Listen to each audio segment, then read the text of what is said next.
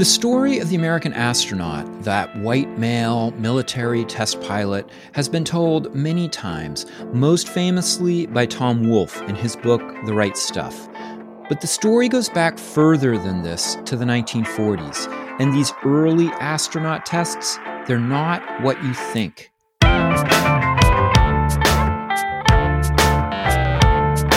It's time to eat the dogs. I'm Michael Robinson. Today, Jordan Bimm talks about the early experiments in space medicine with subjects who weren't pilots, who weren't men or white, or even in some cases, even human. And yet, these forgotten experiments helped shape the final vision of the astronaut in the 1950s and 60s. Bimm is a postdoctoral research fellow at Princeton University, and he's the author of Anticipating the Astronaut which is under contract to MIT Press, expected out in spring 2021. Jordan Bimm, thank you so much for talking with me. Thanks for having me. So, you take up the story of the astronaut in the late 1940s. That's really a, a decade before most people talk about NASA and the selection of the Mercury astronauts in 1959. Why do we have to look that far back? Because that's when, you know, scientists actually began trying to answer the question of who should we send to space.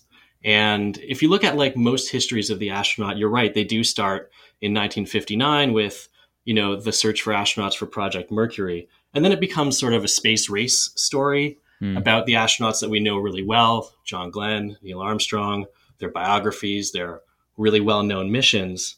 But what I found out is that if you want to know who is selecting the astronauts, you have to look to military space medicine, which really gets going in the late 1940s. And it's like a post war story, post World War II story that really tracks with like the development of the early Cold War rather than the space race in the 1960s.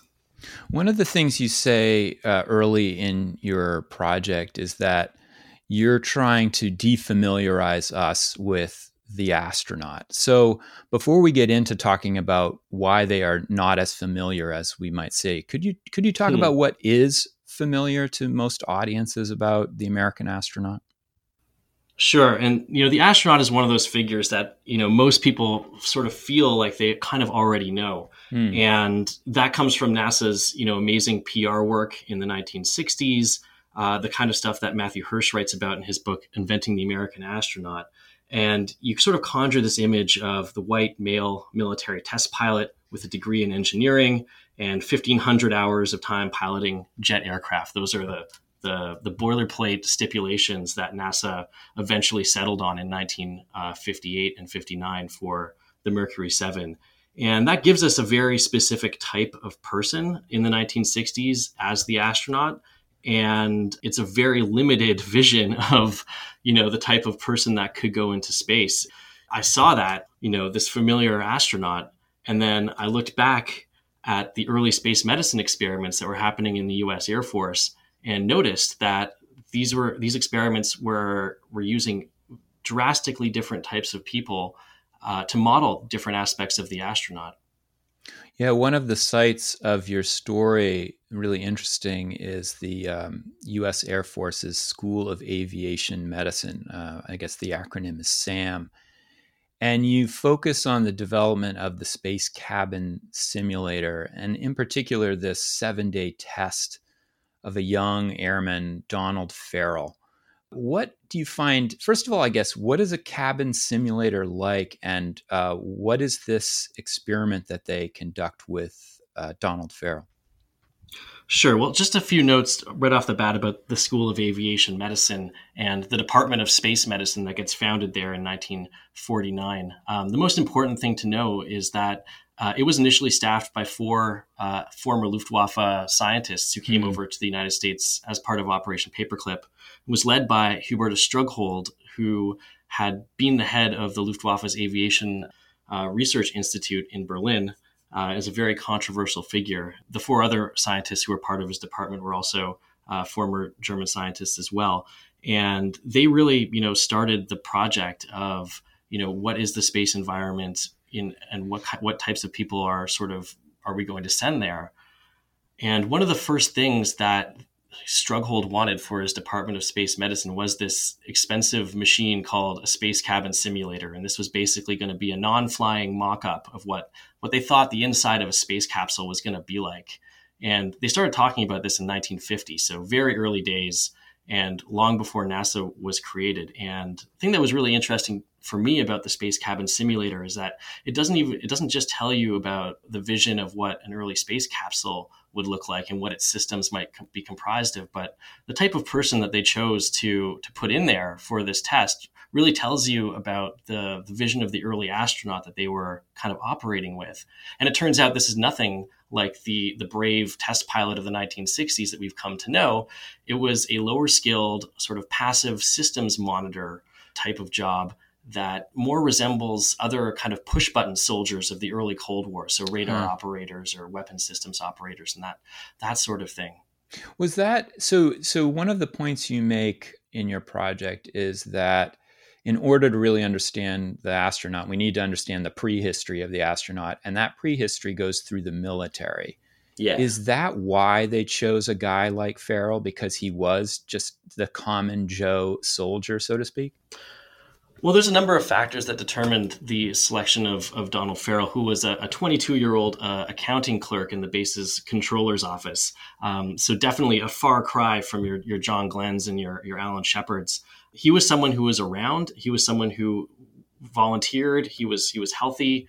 And the thing was that the idea of the astronaut at that point was a much lower skilled passive systems monitor. So there wasn't mm. this idea yet that you needed someone who um, was very brave, used to dangerous situations, highly skilled in engineering, the the test pilot type. You know, the test pilot was certainly in the mix. They were thinking about the test pilot, but there was also these other sort of uh, visions and versions that existed alongside them. And this lower skilled passive systems monitor version of the astronaut that that Farrell was the very first to sort of give a shot at pretending to be in this uh, little rehearsal was, you know, it's one of the earliest moments where somebody really tried to play the role of astronaut. hmm, yeah. And uh, so he's in there for seven days. Yeah. What are they telling him to do and how are they monitoring him? So the space cabin simulator, the first space cabin simulator, was a hellish place. It was it was cramped. You couldn't uh, you couldn't stand up straight or walk around. You really only had enough room to sit there and possibly stretch your legs out to sleep. There were no windows. You were totally isolated from the outside world by design. Um, mm. There was no way to communicate with the doctors and psychologists who were just a few feet away monitoring you. You had no way to see out or communicate out, but they, uh, the doctors on the outside, had so many ways to see in. They had closed circuit cameras. They had um, a still camera. They had a concealed microphone. They had uh, peephole like portholes on the outside that they could look through, but you couldn't see them back on the other side. And they also gave the subject a diary and encouraged him to sort of record his subjective experiences um, inside the, the simulator. And it was finding excerpts from this diary that really, you know, shed some light on on how how really terrible it was in there for him and, and his slow sort of loss of composure over the seven day test, which uh, which occurred in 1958 uh, before NASA was was founded. Yeah, it, he he starts running into trouble in this uh, test. What what happens to Farrell? He basically um, just succumbs to this uh, constant feeling of surveillance and lack of stimuli. Um, mm. So Strughold uh, has one of his psychologists, another German uh, Operation Paperclip participant named Siegfried Gerathewohl, uh, devise some simulated work for Farrell to complete while he's in the simulator. And this uh, it has nothing to do with flying a plane. It, it's basically like monitoring a, a, radar screen.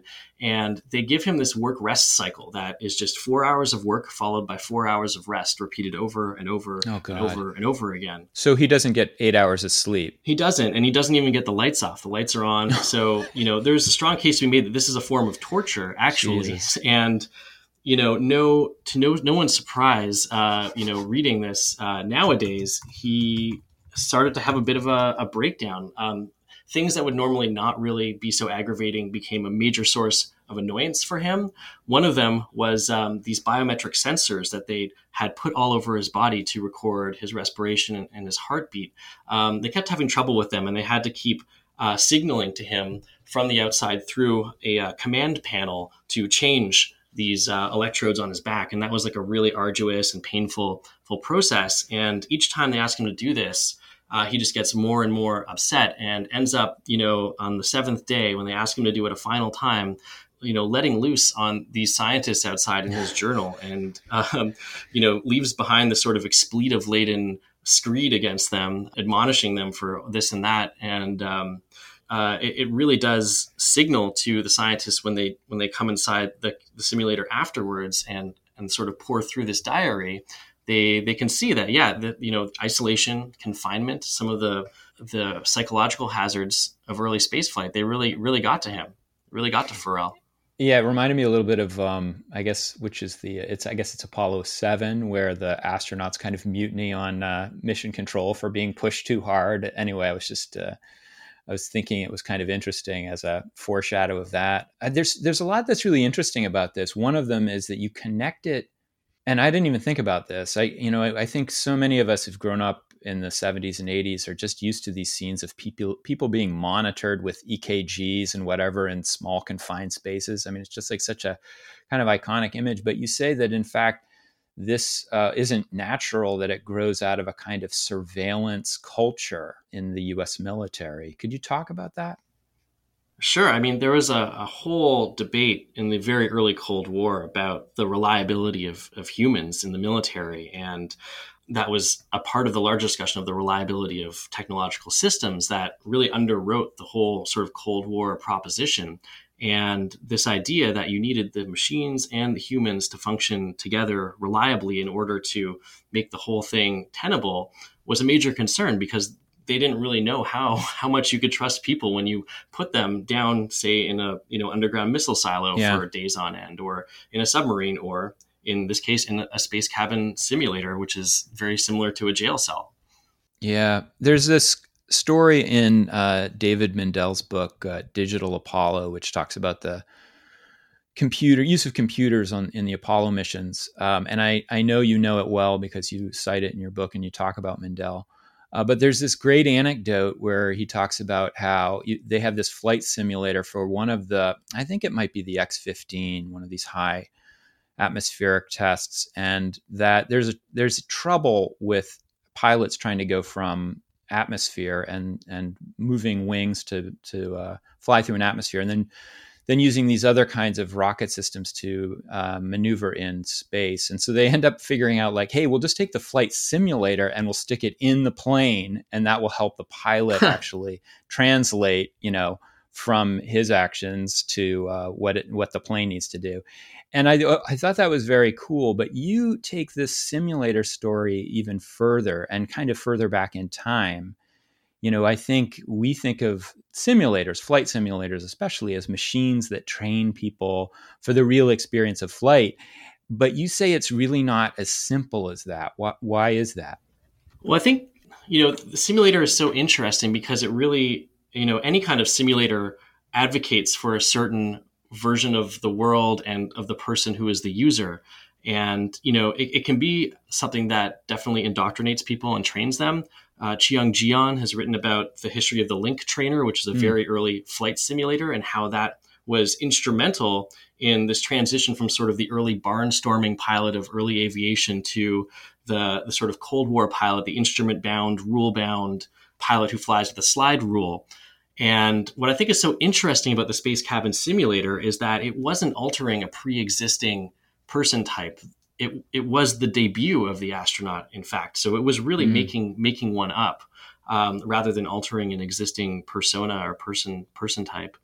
You also write in uh, other chapters in your project about researchers who are looking, biomedical researchers who are looking to other space analogs. Um, like they're looking, for example, at mountaineers or even mountain peoples yes. to understand human physiology better in extreme environments. And you spend some time looking at the Mount Evans acclimatization experiment. Can you talk about that? Yes, definitely, and, and this is uh, a chapter that really dovetails with uh, the work of Vanessa Heggie and and Valerie Olson as well, who have both been on the show previously. So this was the very first Earth analog experiment in space medicine, and, and today, you know, um, part of astronaut training and selection are these trips to places on Earth that seem to mimic some element of space environment. So uh, underwater habitats, uh, deep caves, desert stations, Arctic stations, and mountaintops. So in the summer of 1958, one of the physiologists from the School of Aviation Medicine, a German Operation Paperclip participant named Bruno Balke, led a team of seven airmen up Mount Evans. And his goal was to live and train at altitude around 14,000 feet for a series of weeks.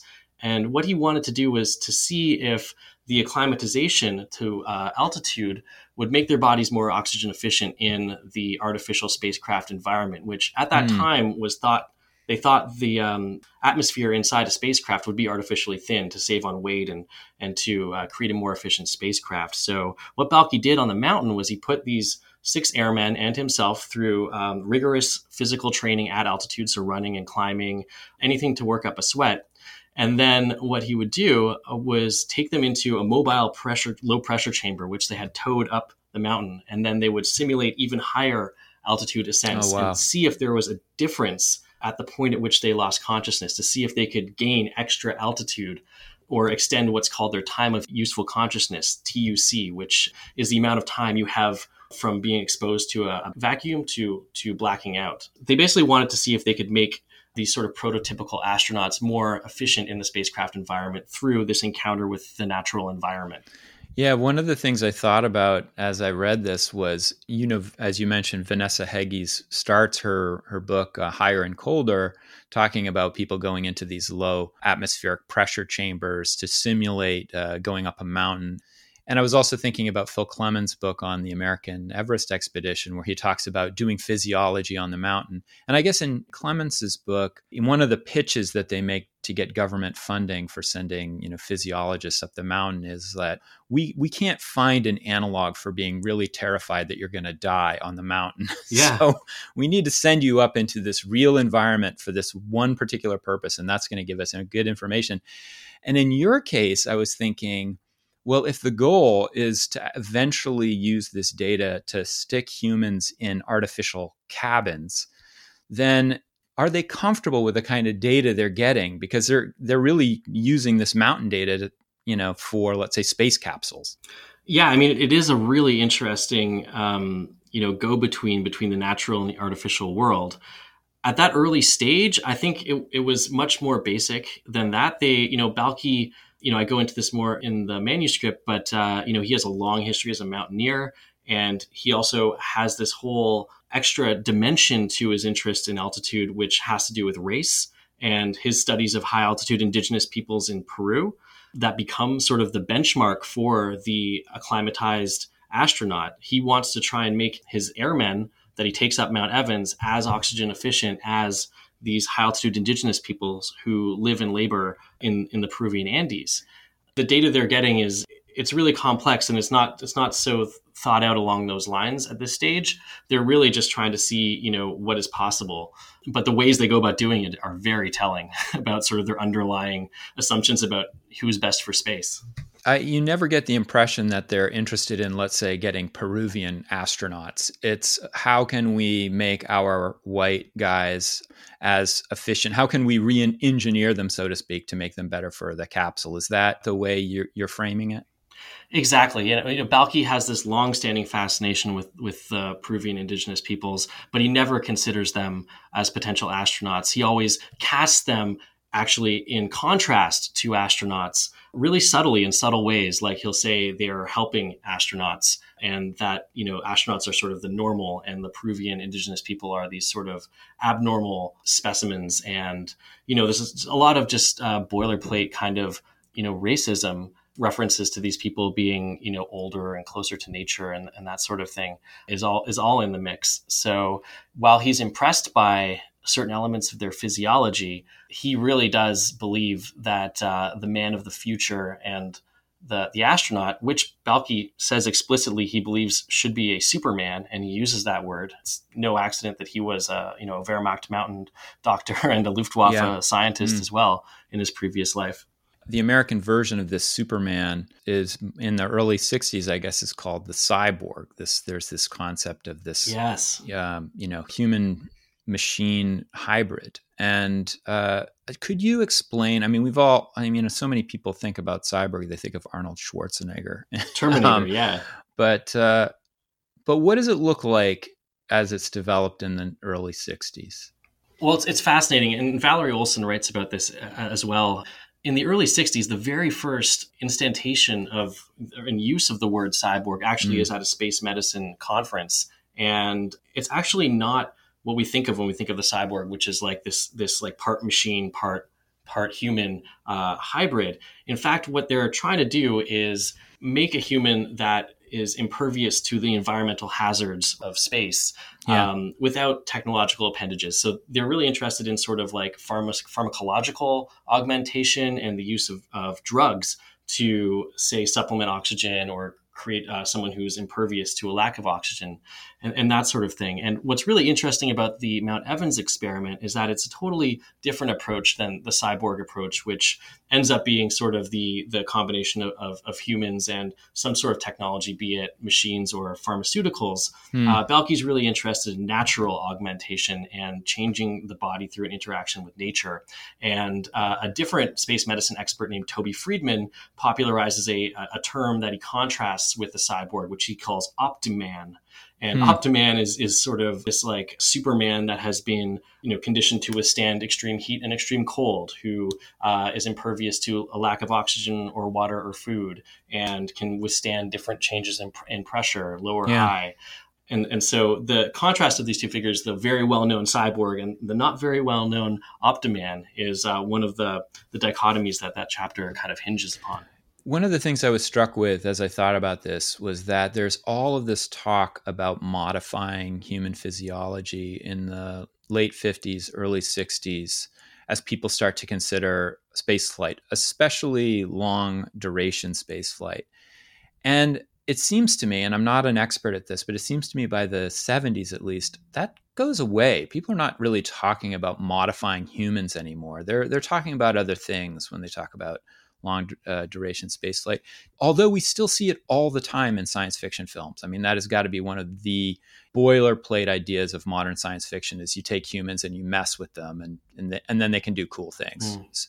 Do you have any? I mean, I know this is kind of outside of the range of your project, but do you have any thoughts about that? Why that idea kind of goes away? Yeah, it's interesting. I mean, there is a democratization of the astronaut corps that begins to happen in the yeah. 1970s as NASA looks towards the space shuttle. And of course, they don't start flying minorities like Dr. Sally Ride until the early 80s, but they do select them and recruit them in the 70s. So that that sort of impetus is already there. I think it's also just the routinization of spaceflight and this idea that you don't need a Superman for space because you have these sort of increasingly more sort of normal people spending longer and longer times in space. And of course, there are you know health hazards and physiological problems that come from their time in space. But yeah, it, it's interesting. The, the, the philosopher Hannah Arendt uh, famously said that in our move to the stars, we will sacrifice or exchange our very humanity, uh, implying that you know the cost of going to space is augmenting ourselves so much that we lose ourselves. Yeah. And to me, that's always that's always kind of been there. And the ways that we can sort of change ourselves for space can actually be not so explicit and not so easy to notice. So something as simple as just the, the phys- physical and mental requirements of spaceflight and how those change over time and who those let into space can, in a sense, be seen as like creating a certain type of person that is uh, fit for space, but also that represents uh, humanity and visions of the future. And if we are very serious about planetary protection and getting to another planet, as you know, Elon Musk likes to talk about, to create a sort of backup of humanity, then the person that we deem you know fit for space will become what's left of humanity in that vision. So, you know, I think my project overall is is really trying to wake people up and make them see very clearly that um, we have been selecting and promoting a very specific type of person for space, and that there are very high stakes if we continue to go along this road and then that road started in the military in the post-war period with you know German scientists brought over from the Luftwaffe running the show. Yeah. I want to bring you back to that question about Elon Musk in a minute, but before we leave this idea of uh, who's fit for space, you spend some time talking about the Lovelace Woman in Space program, yes. Uh, which has been written a, a lot about. What's your angle on it? So this is probably the best known of the four the four episodes that I discuss uh, in in the work. And there's a fantastic uh, book by Margaret Weitekamp called uh, "Right Stuff, Wrong Sex." She's a historian at the National Air and Space Museum, uh, as well as another book by Martha Ackmann, "The Mercury 13," and it was even the subject of a Netflix documentary last year, also called "Mercury 13." So the basic contours of the story is that in 1959, uh, Randall Lovelace, who was the uh, the chair of NASA's Life Sciences Committee, and also the doctor who had devised and run the um, the medical screening for the Project Mercury candidates, who are all male he decides that he wants to run a privately funded independent study of women pilots uh, for space fitness and compare how well they do on those tests to the, the male subjects. And he he brings in um, one uh, very accomplished uh, woman pilot, an aviation executive named Geraldine Jerrie Cobb, and he puts her through those tests and uh, deems her fit for spaceflight. They then scale up the testing to include 21 or so uh, more women. And in the middle of this testing, the uh, the program is is unceremoniously canceled, uh, in, mm-hmm. incomplete. Mm. So generally, the way the story is told is one in which space medicine and uh, Dr. Lovelace are seen as saying yes to women yeah. Uh, being in space, and, and, space medicine is seen as this sort of progressive uh, force for equality, and society and politicians sort of say no, we're not ready for that yet. But what uh, what my angle is on this is that space medicine was a very conservative uh, practice and already had sort of these gendered stereotypes in their minds and uh, also sort of in the built environment of the space medicine laboratory which was built around male military bodies. So rather than a moment where science uh, says yes and society says no this is sort of a moment where those stereotypes that always existed in space medicine get sort of given a sense of like medical validity because the only yeah. uh, the only study that gets ever published from the Lovelace Women in Space program is an article in, in, the Journal of Obstetrics and Gynecology, which basically says women are complicated and unreliable variants of men because uh, yeah. because they menstruate and they have periods, um, yeah. and yeah, so the other thing about the Lovelace Women in Space program that I don't think gets uh, a lot of attention is Lovelace's military connections. And even though he was a civilian in a civilian practicing clinic, he you know ran the the pilot screening for the CIA's U two program and for the SR seventy one spy plane. All these covert um, reconnaissance programs involved his clinic and the selections of and care for pilots there. And those spy planes were always obsessed with with weight and w- saving weight so they could gain mm. altitude. And Lovelace's initial interest in women uh, came via an Air Force officer, Donald Flickinger, and you know the idea that women have certain physiological efficiencies their view of women was that they were smaller and weighed less and used less oxygen and might be more uh, resistant to pain and that sort of thing you know that tracks with their their sort of overall project of like of weight saving in these reconnaissance programs and the last thing i want to say about the lovelace women yeah. in space program if i if i may sure. um, is this is this moniker the mercury 13 that often gets used to describe this program. And I think there's a number of problems with with the Mercury 13 as as a title. The first one being that it wasn't used at the time. Th- that was not the name of the program. And if you go back in the archive, you can find that the Mercury 13 was a name invented by a television producer in Florida in the 1990s who was making a documentary about this. Oh, interesting. Um, Wow. It also implies a connection to Project Mercury, which of course this was not. This was separate, and I don't think it does anyone any favors to um, you know pretend like women got closer to uh, actually being astronauts than they really did. We need to yeah. be honest about where the exclusion happened, and also the number thirteen. Um, you know that implies that as a reference to the number of women who passed the tests, and that sort of writes out of history the women who participated in the tests but didn't pass, and it kind of also assumes that these tests are valid. Uh, measurements and valid adjudications of who is right for space. So that's why I use the Lovelace Women in Space program and avoid Rather than, Mercury yeah, 13. Mercury 13. So to bring you back just for a minute to Elon Musk and the present mm. moment, it seems like we're in a time which is both entirely different and and kind of echoes what's happening in the 60s, which is people are now talking a lot about a return to the moon and uh, then potentially a flight to Mars.